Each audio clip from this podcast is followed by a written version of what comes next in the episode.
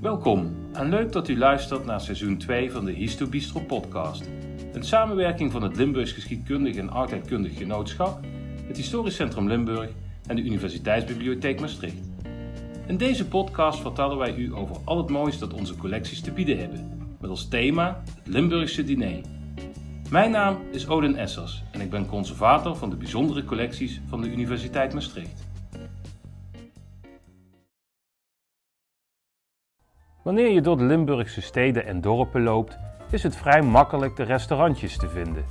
Uithangborden met de verschillende bieren en wegborden met de dagspecialiteiten zijn nauwelijks over het hoofd te zien. Mocht je daarmee nog niet genoeg hebben, dan wordt binnen nogmaals duidelijk gemaakt welke gerechten en dranken er verkrijgbaar zijn.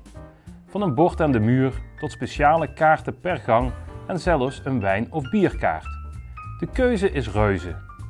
Meestal zijn ze ook nog naar gang en land of soort onderverdeeld, met alle mogelijke informatie over de bestanddelen. Verder word je op de hoogte gebracht of iets vegetarisch of veganistisch is, gluten bevat of zelfs welke kunstmatige stoffen eraan zijn toegevoegd, met Europese E-nummers en al. En uiteraard worden speciale Limburgse gerechten er altijd uitgelicht. Een completer menu kan men zich bijna niet voorstellen, maar dat is natuurlijk niet altijd zo geweest. De uitgebreidheid die we nu krijgen is een luxe vergeleken met vroeger tijden. Want de keuze was aanzienlijk minder en het verschil tussen de lage en hoge klasse groot. Menus hebben daarbij ook twee doelen. Enerzijds kunnen ze je op de hoogte brengen van hetgeen besteld kan worden in het restaurant of café. Anderzijds brengen ze je op de hoogte welke gangen je kunt verwachten bij het diner waar je aanschuift. Machthebbers hebben natuurlijk altijd grote eetpartijen georganiseerd. Van de Romeinse villa's tot de eetzalen in de middeleeuwse kloosters en van de hoven en kastelen van lokale heren tot de banketten van stadsbestuurders. In Limburg is in het verleden menige maaltijd in gezelschap verorberd. Welk eten er geserveerd werd, op welke wijze dit gepresenteerd werd en hoe de aanwezigen zich dienden te plaatsen, gedragen en gebruik te maken van keukengerei veranderde daarbij vaak. Waar in de middeleeuwen men gewend was het eten in meestal ver verwijderde keukens te bereiden en vervolgens theatraal en masse aan het publiek te presenteren, begon dit halverwege de 17e eeuw in Frankrijk te veranderen. Er komt steeds meer nadruk op de gerechten en hun voorbereiding en de wil om dat te etaleren. Dit manifesteert zich pas definitief in de 18e eeuw, wanneer servet, glaswerk, bord en vork begeleid door de nodige etiketten zijn intrede doet aan het Franse Hof. Het archief van Versailles kent enkele rijk geïllustreerde menukaarten uit de jaren 1750. Daarmee was de menukaart echter nog lang geen gemeengoed voor diners. Het verhaal gaat dat na een diner van de Russische gezant Kurakin te Clichy, Frankrijk, echt opkwam. In 1810 kregen alle aanwezigen naast hun bord een kaart waarop ze konden lezen wat achtereenvolgens geserveerd zou worden.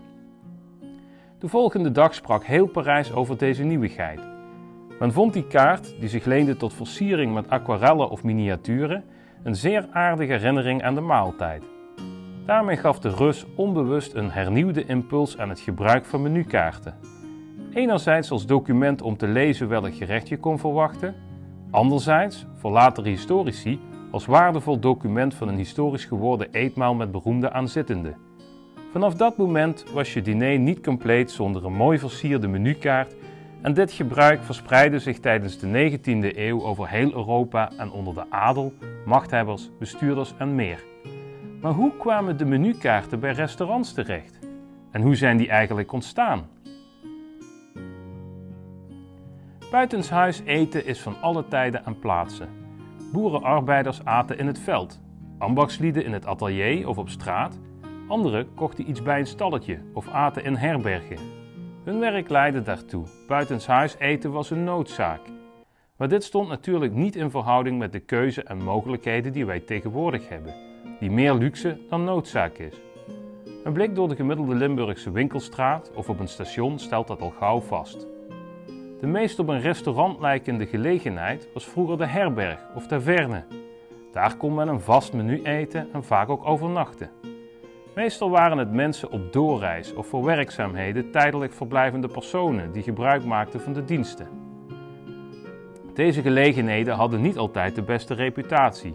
zeker als ze iets buiten het dorp gelegen waren en daarmee eerder rovers of vagebonden aantrokken. In de 18e eeuw ontstonden in Frankrijk de eerste restaurants die op enkele punten verschilden van de bestaande herbergen.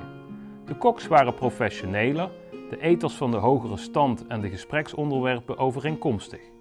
Ongeacht de drempels zoals hoge prijzen, een portier en een bepaalde standsverwachting, waren deze restaurants toegankelijker dan de enigszins vergelijkbare Londense gentlemen's clubs. Het restaurant was een open instelling. Een van de eerste genoemde restaurants voor de gemiddelde burger zou in 1756 door ene Monsieur Boulanger op de Rue de Pouilly te Parijs zijn begonnen. Hij serveerde voornamelijk bouillons, bedoeld om te herstellen. Boven zijn zaak zou de volgende Latijnse tekst te lezen zijn geweest: Venite ad me, omnes quis tomatio laboratis, et ego vos restaurabo. Dit betekende zoveel als: Welkom, u die aan de maag leidt, ik zal u herstellen. Het verhaal van meneer Boulangers restaurant werd in 1853 voor het eerst gepubliceerd. Helemaal zeker kunnen we dus niet zijn over dit verhaal. Wat in ieder geval waarschijnlijk is, is de herkomst van het woord restaurant van het Latijnse restauré, dat herstellen betekent.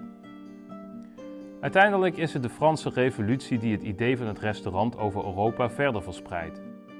Niet doordat de Fransen het overal introduceren, zoals een ideale vrijheid, gelijkheid en broederschap, maar omdat vele Franse chefs hun broodwinning, die toch vooral bij de adel en de gegoede burgerij lag, kwijtraakten. Al snel ontstonden meerdere restaurants binnen en buiten Parijs en uiteindelijk ook Frankrijk.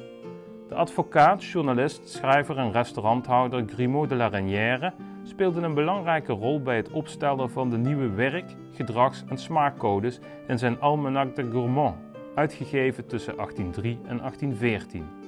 Het was daarmee zowel de eerste gastronomische restaurantgids als het eerste culinaire populariseringsboek.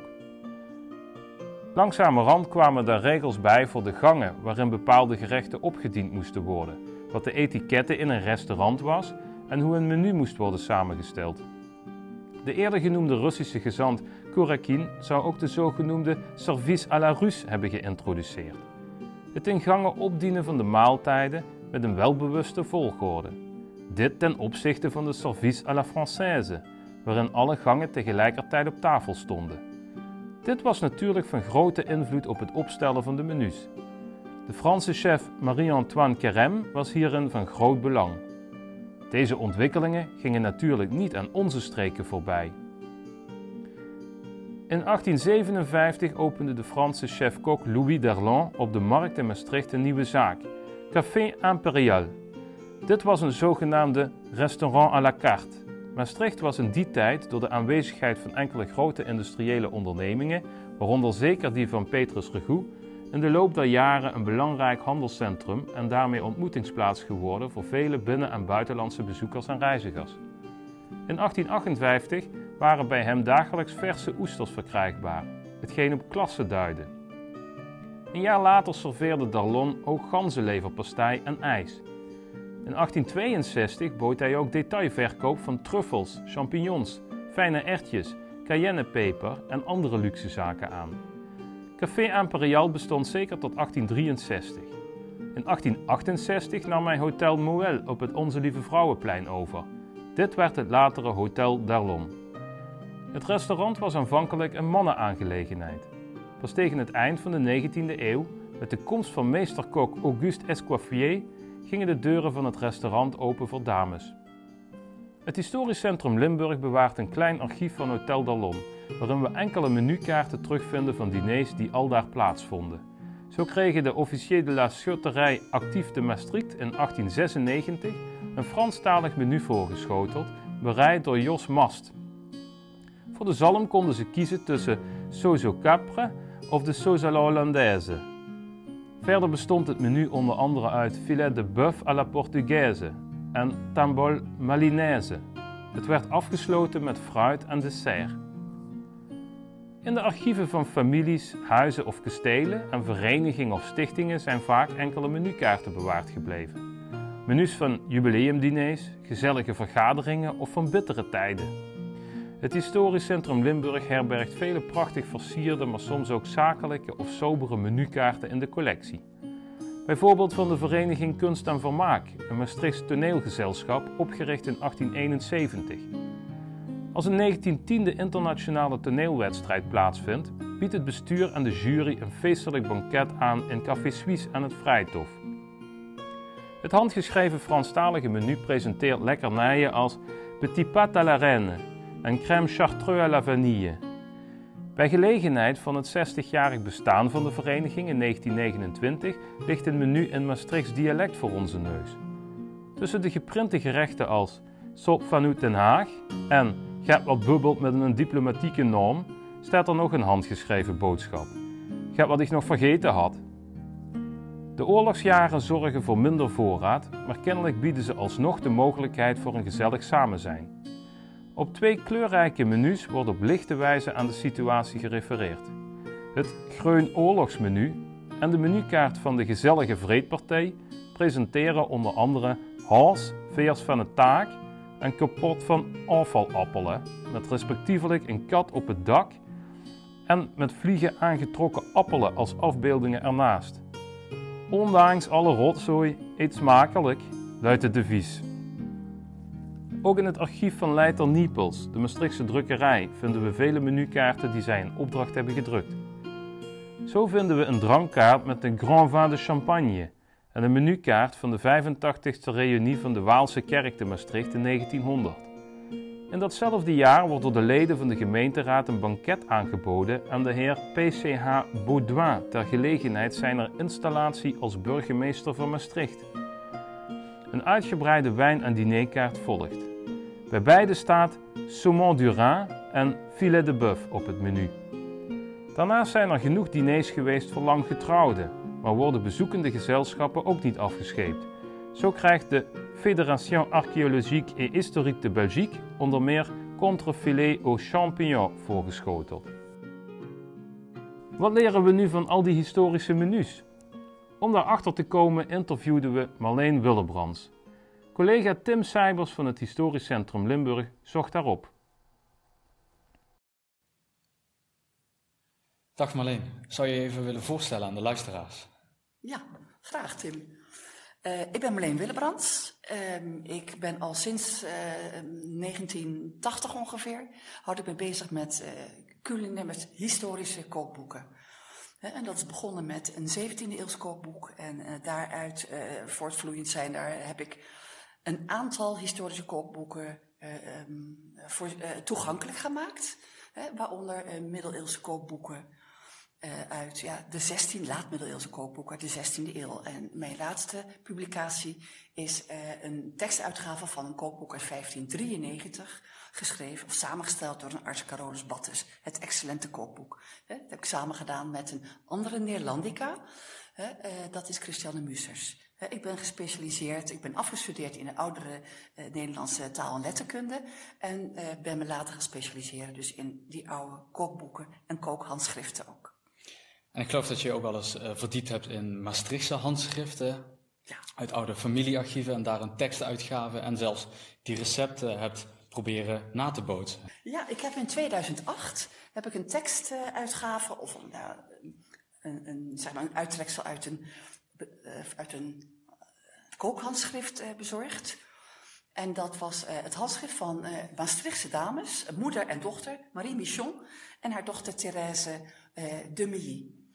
En dat is een kookboek, dat, een kookhandschrift dat in 1785 uh, begonnen is en later door, voortgezet wordt door haar dochter, die met een belangrijke garnizoensofficier was, was ge, ge, getrouwd. Hè. Zij woonde aan de Ons Lieve Vrouwenplein en later is zij um, aan, eens kijken hoe heet het daar ook weer, waar de zusters onder de bogen wonen. Mm -hmm. daar is is zij toen uh, gaan wonen met haar uh, grote gezin. Ontzettend leuk handschrift. Dat bestrijkt een periode eind 18e eeuw en een deel eerste helft 19e eeuw. En daar zie je dus de recepten van uh, de burgerkookpot. Hè? Alhoewel zij ook wel heel welgestelde burgers waren. En hoe was het om die recepten na te maken? Dat was heel goed te doen. Dat hebben we uh, ook uh, met elkaar gedaan. Dat, uh, deze uitgave bevat ook foto's van wat we klaargemaakt hebben. Het is maar een selectie van recepten uit twee kok, twee schriftjes zijn het. 44 recepten hebben we uitgewerkt. En dat was heel goed te doen. Pasteien en allerlei lekkere soepen en nou ja, allerlei gerechten die eigenlijk tegenwoordig nog heel goed te doen zijn. En een van de lekkerste dingen vond ik de flan au romadou. dat is dan niet een fly, want ze gebruiken bladerdeeg, maar dat is dus ja, bladerdeeg met, met een vulling, een bladerdeegtaart met een vulling van romadou, opgelost in room. En verrukkelijk als je een liefhebber bent van de Limburgse kaas, die toen nog in Maastricht werd gemaakt. Dat is een aanrader wat jou betreft. Zeker, zeker. nu is dat niet het enige wat je met Limburgse bronnen in historisch eten hebt gedaan. Je hebt ook wel eens gepubliceerd over een burgemeestersdiner dat in 1874 heeft plaatsgevonden. Op basis van, het onderwerp van deze aflevering, de menukaarten die van dat diner zijn bewaard gebleven bij het Historisch Centrum Limburg. Kun je ons daar wat meer over vertellen? Ja, dat, was, uh, dat is ook weer een menukaart uit het uh, archief, net als dat uh, handschrift waar ik het net over had, van de MI. En uh, nou, het uh, RHCL uh, heeft een, ruime mooie collectie van, van handschriften. Ik heb gekeken naar of, menukaarten en ook handschriften, hele interessante, uit de 18e eeuw en 19e eeuw. En die menukaarten zijn heel bijzonder. Ik heb gekeken naar de menukaarten uit, het, uit een burgerarchief van een predikant, Suringar. En daar kwam ik een menukaart tegen waar ik me in verdiept heb over, ja, hè, over de samenstelling van het, van het menu. En dat is een, enorme lijst aan ingrediënten. En wat minstens zo interessant is, als je de menukaart omkeert, dan zie je wie er aan tafel zit. En ook op welke manier, wat de tafelschikking is, wie naast wie zat. In dit geval was het een diner, 1874, van burgemeester Pels, die, uh, uh, die uh, kennelijk, uh, burgemeester Pels, uh, organiseerde dat diner. Waarschijnlijk vanwege de inauguratie van de nieuwe gouverneur. En dat was de Kuiper. En aan tafel zitten ongeveer 45 genodigde notabelen uit Maastricht. Dus gedeputeerde staten, provinciale staten, raadsleden, wethouders. En uh, vertegenwoordigers van de kerk, uh, predikant onder andere. En nou ja, vrije beroepen ook. Dat soort mensen zaten daar. En nou ja, het is een zeer uitbundig diner dat helemaal op de manier van toen is uh, opgebouwd. He, dus dat begint met, een, uh, met uh, schoten oesters als een soort van amuse. He, dat, zijn, dat zijn dan de hors d'oeuvres. Dan volgt, uh, volgen de soep, schildpaddensoep en een andere soep, een, een, een, een kipsoep, consommé. Daarna volgen de zogenaamde relevés. En dat zijn um, allerlei uh, niet zulke zware gerechten, uh, zalm en wat filet de buff en uh, lekker een hertengerechtje. en dan gaat het nog, dan moet het nog beginnen eigenlijk. Dan krijgen we nog de entrees. We zijn nog steeds niet bij het hoogtepunt. Ja, en dat zijn ook uh, een stuk of drie gerechten, uh, poularde, een uh, patrijs en ook een foie gras gerecht. Dan om eventjes op adem te komen, komt een soort van sorbet tussendoor, om de smaakpapillen weer te verfrissen. Want dan volgt nog een hele, ehm, een, een, schotel met gebraden, gebraden gerechten. Uh, dus dat zijn uh, um, snippen die gebardeerd zijn, uh, fazant, en, en dan krijg je nog eventjes een entremet. Het houdt maar niet op. En dat zijn nog, is nog lekkere kreeft met een sauce remoulade. Nou, dan, zijn we, dan naderen we het einde met de entremets. Dan wordt het iets zoeter. Hè, met een, uh, een lekkere uh, een gelei en nog een, een timbaaltje. En vervolgens de pièce montée. Dat zijn zulke, dat zijn een soort van bouwwerken. Helemaal in de trant van de grote Franse chefkok uh, Carême. Want het is Frankrijk die de menukaarten dicteert. En tot slot krijgen we nog wat ijs. En tot allerlaatste, tot besluit, nog ananas, fruit en nog meer dessert. He, het is begrijpelijk dat hier een menukaart voor nodig is, dat je een beetje kunt overzien wat er gaat komen. Dit is helemaal uh, koken in de, in de sfeer van, um, zeg maar, Carême en uh, Gouvet en ook uh, Urbain Dubois. Dat zijn drie hele grote chef-koks. En pas rond 1900 krijgt eh, krijgen we de keuken van Auguste Escoffier, die de keuken vereenvoudigt en efficiënter maakt. En ook een hele belangrijke rol speelt bij de introductie van eh, de, de, de restaurants over Europa. Met zo'n lange menukaart kan ik me voorstellen dat ze ook vrij lang aan tafel zaten. Ja, dit, uh, dit moet uren geduurd hebben. En uh, ik heb nog niet eens verteld over de schitterende wijnen die ook op de kaart staan. dat, uh, dat is ongelooflijk. Chateau Margaux en, en Chateau d'Yquem. Nou, dat zijn peperdure wijnen nu, natuurlijk. Maar goed. Maar geld erbij. speelde geen rol. Ja, ja. erbij. Ja, ja. De maaltijd werd rijk ontspoeld met wijn. Ja. Ja, ja, ja. En ik denk dat ze uren aan tafel zaten. En ik denk dat het als ze om vier uur beginnen, dat ze pas tegen middernacht weggingen.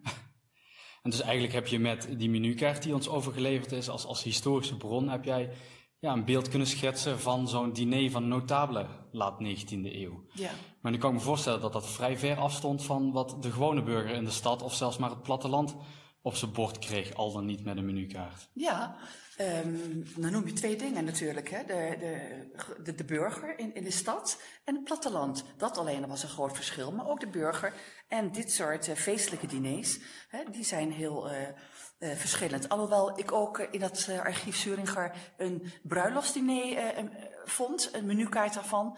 En dat is ook een uitvoerige, ook zo'n uitvoerige waslijst, zeg maar. Ja. He, maar de burgerkeuken, daar, dat was, uh, daar bestond het diner uit. Ook een voorgerecht, een soep. En er stonden op tafel, werden een stuk of twee of drie gerechten geserveerd. vlees en vis wel een bepaalde volgorde. en soms, als er veel gasten waren, was het wat uitgebreider, meer gerechten ook. En dan ook een, een, een dessert. Als we kijken in boeken, menuboeken, dit is bijvoorbeeld een het nieuw menu en kookboek uit 1887 van Johanna. Dan zien we bijvoorbeeld voor, um, even kijken, we hebben hier even 8 april. Nou, dan is het menu als volgt. Voor iedere dag staat het menu beschreven. Buitengewoon handig als je geen damesblad hebt in die tijd. Vermicelli soep. Daarna varkenscarbonade met koolrapen, aardappelen. En dan volgen kroketten van kalfsvlieren, kalfsnieren, uh, molsalade en griesmelpudding. Dus je had toch wel, zeg maar, twee uh, gerechten uh, als, in het midden. Een voorgerecht, ja. twee gerechten en dan het, het nagerecht. En natuurlijk opmerkelijk, de aardappel heeft in de 19e eeuw al een vaste plaats gekregen op het menu van alle standen. En met dat boek had dus eigenlijk uh, de gewone burger zo gezegd een kalender voor het hele jaar om een menu voor te bereiden. Ja, dit soort, uh, dit soort boeken. Er waren er meer, ook uh, vertaalde recepten van een Fransman, Baron Brisé. Ook menus voor alle dagen van het, ja. van het jaar. Buitengewoon handig om, voor, de, voor een goede huisvrouw. Ja, ja. En in de loop van de 19e eeuw krijg je natuurlijk steeds meer van dit soort, boek, soort boekwerken. Dat het ook steeds voor de gewone burger toegankelijker is om dit soort gerechten voor te bereiden. En handleidingen om het huishouden te besturen, ja. die worden ook steeds uitgebreider. Het gaat niet alleen maar om de dagelijkse maaltijd, maar ook om, de, om, om, een goed, uh, om het huishouden te besturen. Ja. Dat soort kookboeken zie je wel zijn complete handleidingen. Eigenlijk ook allemaal eigenlijk voorlopers van latere uh, huishoudschool kookboeken. Ja. En ik geloof dat je dan nog een goede uitsmijter voor ons hebt. Ja, nou ja, het de belang van die maaltijd, die wordt in, uh, ook in, etikettenboekjes uh, um, benadrukt. En de, de 19e eeuw zit vol met etikettenboekjes. Niet alleen voor het gedrag aan tafel natuurlijk, maar ook het gedrag van uitgaan, verloven, gedrag op de ijsbaan zelfs. En kostelijke dingen. Maar um, in die bijvoorbeeld het etikettenboekje De Goede Toon. Daarin wordt uh, benadrukt dat de burgerlijke gezinsmaaltijd op een vast tijdstip met een vader aan het hoofd van de tafel en een moeder die de spijzen verdeelt een eikpunt was voor een ordelijk gezinsleven dat andere klassen tot voorbeeld diende. En in het laatste kwart van de 19e eeuw gold het gezamenlijk etensuur in de huiselijke kring als heilig. En uh, dat boekje schrijft, hè, De Goede Toon, ik citeer, Wanneer ooit enige gewoonte geschikt is om de familie, familieband los te maken en het innige familieleven van de echtgenoten te benadelen, dan is het de gewoonte om de maaltijden in restauratieën te gebruiken. En wij mogen trots zijn op ons familieleven en daarom moeten wij ons voor zulke gewoonten in acht nemen, zoveel als wij maar kunnen. Dus ja, liever niet naar het restaurant, maar zorg ervoor dus, eh, mevrouw, blijf thuis en zorg goed voor het gezin en zorg voor een lekkere maaltijd, zodat uw man zijn pleziertjes en zijn hel niet buiten de deur gaat zoeken. En dat is vaak de boodschap in heel veel van die boekjes. En eigenlijk kunnen we zeggen dat in de loop van de 20e eeuw het restaurant juist enorm is opgekomen en dat het ideale familieuitje juist is geworden om naar het restaurant te gaan. Precies, ja. Om je te laten verwennen ja. en de enorme keuze op de menukaarten ja. Uh, eigenlijk tot je gemak te laten dienen. Precies maar de restaurants waren toen ook niet zoals wij ze nu kennen, hè, uh, waar iedereen in één ruimte zat. Je had restaurants vaak met uh, besloten kamers. He, dus voor een bruiloftsdiner zat je niet aan plein publiek. Nee, uh, he, want het was ook niet netjes als een dame zo te kijk zat, ook al was ze met een gezin. Je had besloten kamers. en nou ja, restaurant Derlon is natuurlijk een, een, een bekende natuurlijk. Die, Hier in Maastricht. ja, die in, uh, ergens in 1875 zijn restaurant opende. Hotel Derlon heette het later. aan, uh, aan Ons Lieve Vrouwenplein. En daarvoor zat hij, tien jaar daarvoor, zat hij aan, aan de markt. en daar kon je verse oesters kopen, ganslever en dat soort dingen. En dan had je, kon je eten, table d'hôte. Dus dat was gewoon aanschuiftafel en eten wat er op, dat, op die dag aan, op, op het menu stond. Maar hij had al een verfijnde uh, keuken op tafel. Ja. En dat restaurant later, uh, Hotel Derlon. Ja. En zo leeft de geschiedenis nog steeds. Ja, het bestaat gelukkig nog steeds. Ja. Bedankt alleen voor deze uiteenzetting. Graag gedaan. In de Limburgse erfgoedcollecties vinden we veel terug van de opkomst van restaurants, de gebruikte menukaarten, wat de mensen aten en wat dit zei over een positie van de uitgebreide, uren durende diners van de bourgeoisie tot de simpele alledaagse maaltijden van de gewone mens. Het menu bracht verfraaiing en structuur. Daarnaast zagen we dat taal en versiering van menukaarten een belangrijke rol speelden. Waar dit in de 19e eeuw nog voornamelijk het Frans van de gegoede burgerij was, kwam het dialect in de loop van de 20e eeuw ook op. Ook de oorlog kon de behoefte van een mooi versierde en enigszins ironische menukaart niet onderdrukken. Het restaurant en daarmee de uitgebreide eetcultuur werd langzaam gemeengoed. De prachtige kaarten en begeleidende teksten gaven en geven iets chics aan het etentje en zorgen daarmee voor een interessant aandenken. Bedankt voor het luisteren naar aflevering 2 van de Histobistro podcast. Deze aflevering was een samenwerking van het Limburgs Geschied- en Oudheidkundig Genootschap, het Historisch Centrum Limburg en de Universiteitsbibliotheek Maastricht.